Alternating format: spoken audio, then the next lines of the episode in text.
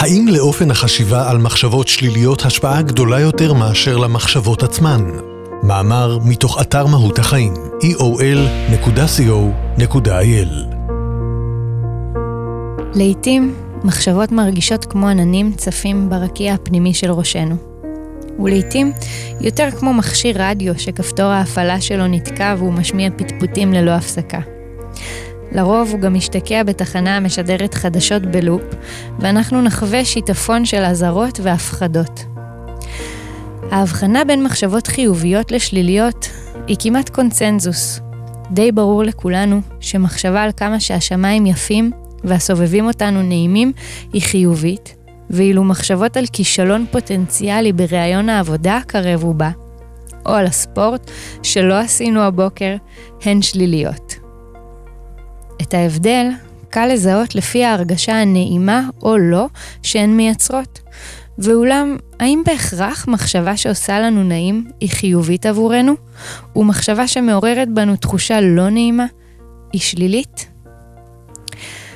מחשבות פולשניות הן דוגמה אחת למחשבות המאופיינות כמעט תמיד כשליליות ולא נעימות.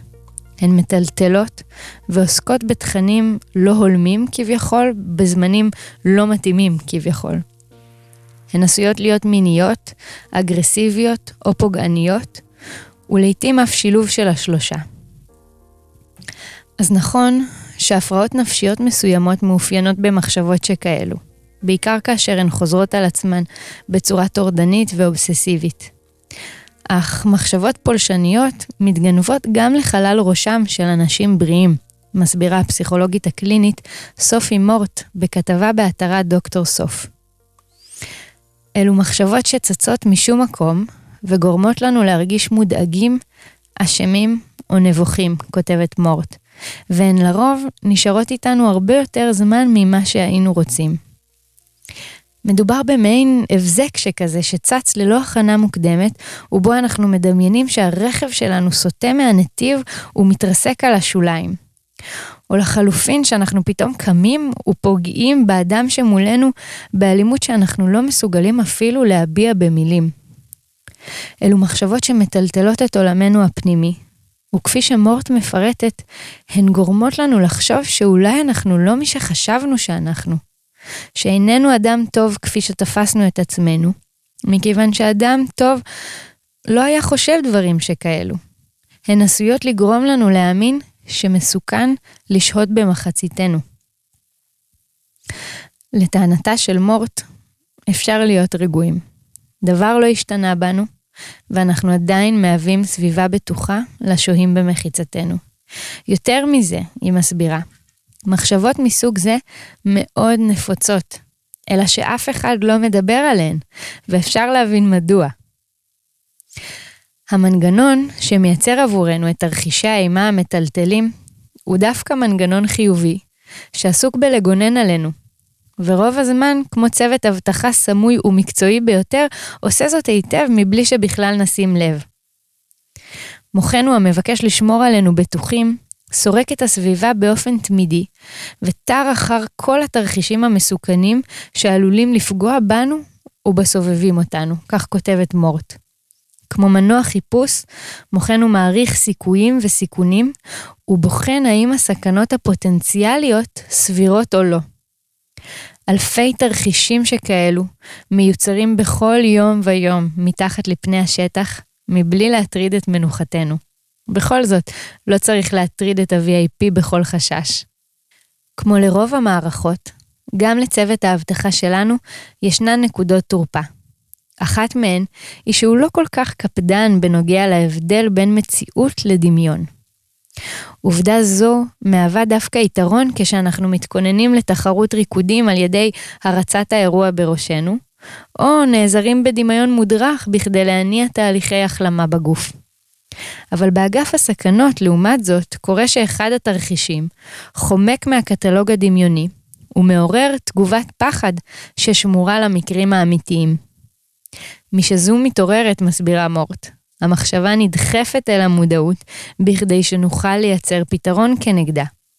ואז מתחיל המשחק המשמעותי. על פי מורט, היא מחשבה מחרידה צצה ומעוררת בנו פחד, אבל אנחנו מבינים שהיא בסך הכל פיסת אינפורמציה אקראית ולא רלוונטית, שחמקה לקדמת הבמה. היא תזכה לרגע של תהילה, ואז תתמוסס עם יתר הדברים הלא חשובים שצצים במוחנו. לצערנו, פעמים רבות זה לא מה שקורה. במקום זה, היא כותבת, אנחנו חושבים על המחשבה וחשים אחראים כלפיה. אנחנו תוהים מדוע היא צצה דווקא עכשיו, ומה היא אומרת עלינו.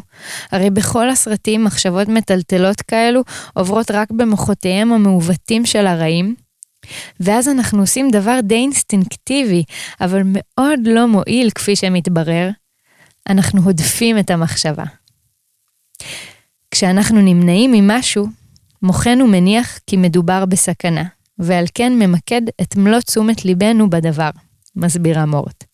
כלומר, אם אנחנו מטיילים בטבע, ומצד אחד של המסלול יש תהום, אנחנו נצמדים לצידו השני, ובראשנו כל הזמן עוברת המחשבה לא לשכוח תהום בצד האחר. האם זו מחשבה חיובית או שלילית? האם היא נעימה או לא? במקרה הזה, ניכר כי התזמון מוצלח, אבל במקרים אחרים ייתכן שהיא לא רלוונטית, ועדיין לא היינו רוצים לוותר על המנגנון שמשאיר אותה נוכחת לנגד עינינו. ומה לגבי מחשבות יומיומיות יותר, של אשמה עצמית, חרטה או אי מסוגלות? אני לא מאמינה שישנתי כל הבוקר במקום לסדר את הבית, או לעבור עכשיו דירה ולמצוא עבודה חדשה, יהיה כל כך קשה ומסורבל שפשוט חבל על המאמץ. האם הן בהכרח שליליות? או שיכול להיות שיש בנו חלק שמאמין שהן נועדו לשרת אותנו. אולי זה מנגנון שמזהה את הסיכון שכרוך בשינוי, ומנסה לשמר אותנו היכן שאנחנו במקום להעז ולהתפתח. אולי זה חלק בנו שרוצה שנהפוך לאנשים טובים יותר, או לבני זוג טובים יותר, ועל כן הוא מציף בפנינו את המקומות שבהם אנחנו מפשלים. אז נכון, שאם הן חוזרות על עצמן עשר פעמים זה בוודאי מיותר. ויכול להיות שאפילו בפעם הראשונה, אותה מחשבה הייתה לא רלוונטית. סתם תפיסה מחמירה של עצמנו או של המציאות. אבל היא לא בהכרח שלילית. אם נקטלג אותה כשלילית ונהדוף אותה מעלינו כדי לברוח מנוכחותה הלא נעימה, כמו תהום מסוכנת לצד הדרך, אנחנו רק נהדק את האחיזה שלה בנו. זה יהיה כמו להפנות את כל הזרקורים אליה ולמחוא כפיים בהתלהבות. אנחנו לומדים להאמין שכדי להרגיש בטוחים בעצמנו, עלינו למגר כל מחשבה שלילית מחיינו. כך כותבת ליסה אסייל במגזין טייני בודה. אבל לטענתה, האושר שלנו אינו תלוי בכמה קטן יהיה אחוז המחשבות השליליות בראשנו, אלא בדרך שבה ננהג באלו שישנן. אסייל מסבירה שאם אנחנו מעוררים מהומה סביב מחשבה כי היא שלילית, המהומה שיצרנו בעצמנו שלילית יותר מאשר המחשבה עצמה, שאולי איננה בהכרח שלילית כפי שחשבנו עד כה. כשאנחנו מתקוממים כנגדה, היא מסבירה, באיזשהו מקום אנחנו בעצם אומרים לעצמנו שאיננו טובים מספיק.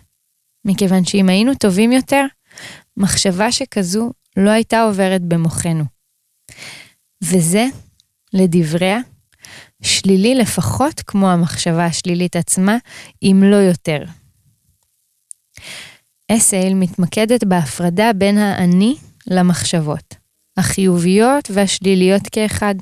מזכירה לנו שלמיינד שלנו יש אינטרס ברור לגרום לנו להאמין למחשבות שהוא מייצר עבורנו, בכדי לשמור עלינו. ואחת הדרכים שמשמשות אותו בכך, היא לגרום לנו להאמין שהוא זה אנחנו.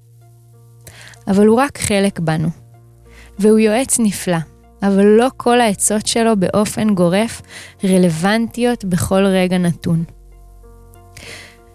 בין אם הן מרגישות כמו עננים שטים ברקיע, ובין אם כמו פטפטת ממכשיר רדיו דולק. המחשבות שלנו הן לא אנחנו באופן בלעדי. הן יכולות להיות נעימות יותר או פחות, אבל המנגנון שמייצר אותן גדוש כוונות טובות. גם אנחנו לפעמים מפשלים בעודנו מנסים לעזור למישהו. אם נקבל בהבנה ובאורך רוח את ניסיונותיו של המיינד שלנו, המוצלחים והכושלים כאחד, אולי נאפשר לעצמנו לקחת הלאה את מה שרלוונטי, ולהשתחרר ביתר קלות ממה שלא.